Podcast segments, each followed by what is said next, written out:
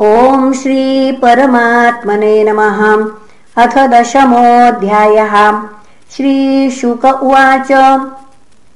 इन्द्रमेवं समादिश्य भगवान् विश्वभावनः। पश्यतामनिमेषाणाम् तत्रैवान्तर्दधे हरिः। तथाभियाचितो देवैरुषिराथर्वणो महान् मोदमान उवाचेदम् प्रहसन्निव भारत। अपि वृन्दारकायूयम् न जानीथ शरीरिणाम् संस्थायां यस्त्वभिद्रोहो दुःसहश्चेतनापहहा जिजीविषूणाम् जीवानामात्मा प्रेष्ठ इहेप्सितः क उत्सहेत तम् दातुम्। भिक्षमाणाय विष्णवे देवा ऊचुः। किम् नु तद्दुस्तजम् ब्रह्मन्? पुंसाम् भूतानुकम्पिनाम्। भवद्विधानाम् महताम्। पुण्यश्लोकेड्यकर्मणाम् ननु स्वार्थपरो लोको न वेद परसङ्कटम् यदि वेदन याचेत नेति नाह यदीश्वरः ऋषिरुवाच धर्मम् वश्रोतुकामेन यूयम् मे प्रत्युदाहृताः।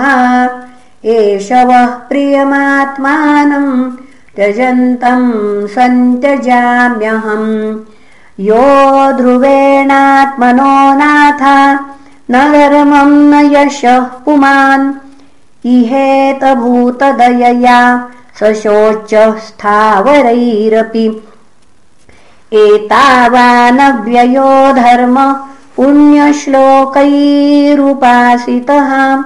यो भूतशोकहर्षाभ्यामात्मा शोचति हृष्यति।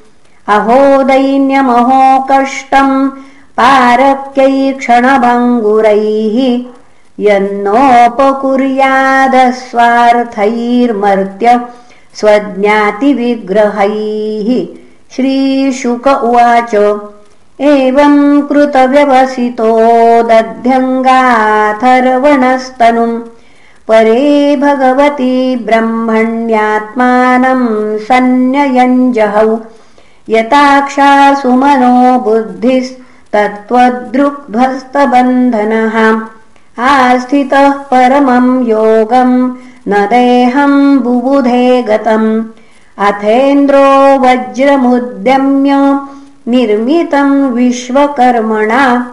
मुनेशुक्तिभिरुत्सिक्तो भगवत्तेजसान्त्रितः वृतो देवगणैः सर्वैर्गजेन्द्रोपर्यशोभत सूयमानो मुनिगणैस्त्रैलोक्यम् हर्षयन्निव वृत्रमभ्यद्रवच्छेतु मसुरानीकयूथपैः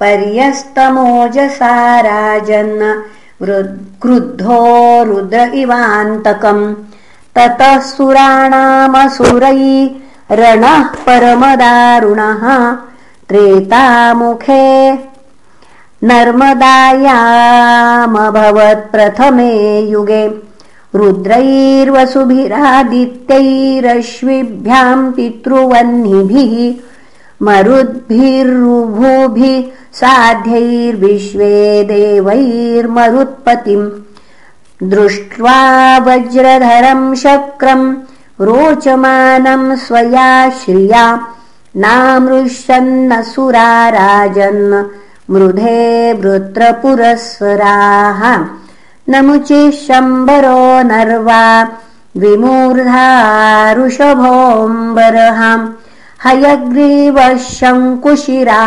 विप्रचित्तिरयो मुखः। पुलोमा वृषपर्वा च रहेतिर्हेतिरुत्कलः दैतेया दानवा यक्षा रक्षांसि च सहस्रशः।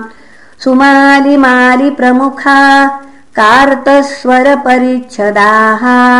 प्रतिषिध्येन्द्रसेनाग्रम् मृत्योरपि दुरासदम्। आभ्यर्दयन्न सम्भ्रान्ता सिंहनादेन दुर्मदाः।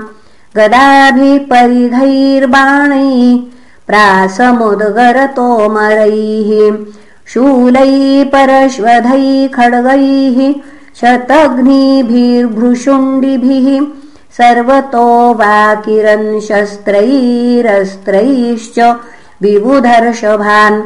न ते दृश्यन्त सञ्छन्ना शरजालैः समन्ततः। पुङ्खान् पुङ्खपतिस्तैर्ज्योतिंशिव न भोगनैः न ते शस्त्रास्त्रवर्षौघा ह्यासे दुःसुरसैनिकान् छिन्ना सिद्धपथे देवैर्लघुहस्तैः सहस्रधाम् अथ क्षीणास्त्रशस्त्रौघा गिरिशृङ्गद्रुमपदैः अभ्यवर्षन् सुरबलम् चिच्छिदुस्तांश्च पूर्ववत् तान् क्षतान् स्वस्तिमतो निशाम्य शस्त्रास्त्रपूगैरथवृत्रनाथाः। द्रुमैर्दृशद्भिर्विविधादृशृङ्गैः रविक्षतांस्तत्र सुरीन्द्रसैनिकान्। सर्वे प्रयासा अभवन् विमोघाः।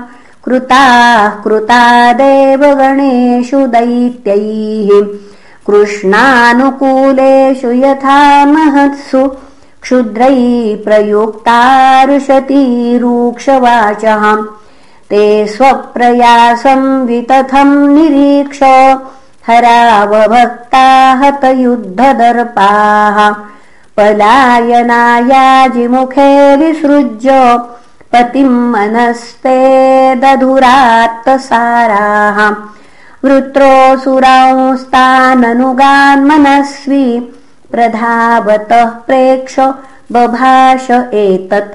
पलायितम् प्रेक्ष बलम् च भग्नम्। भयेन तीव्रेण विहस्य वीरहाम्।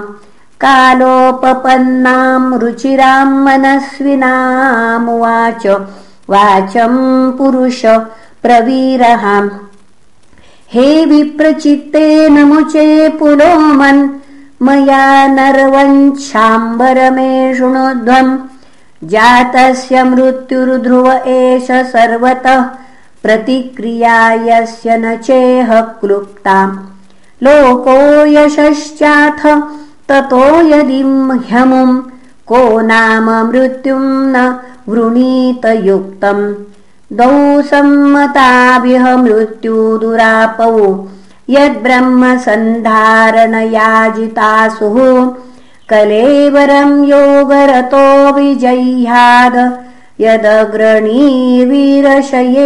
निवृत्तः। इति श्रीमद्भागवते महापुराणे पारमहंस्याम् संहितायाम् षष्ठस्कन्धे इन्द्रवृत्रासुरयुद्धवर्णनम् नाम दशमोऽध्यायः. श्रीकृष्णार्पणमस्तु. हरये नमः हरये नमः हरये नमः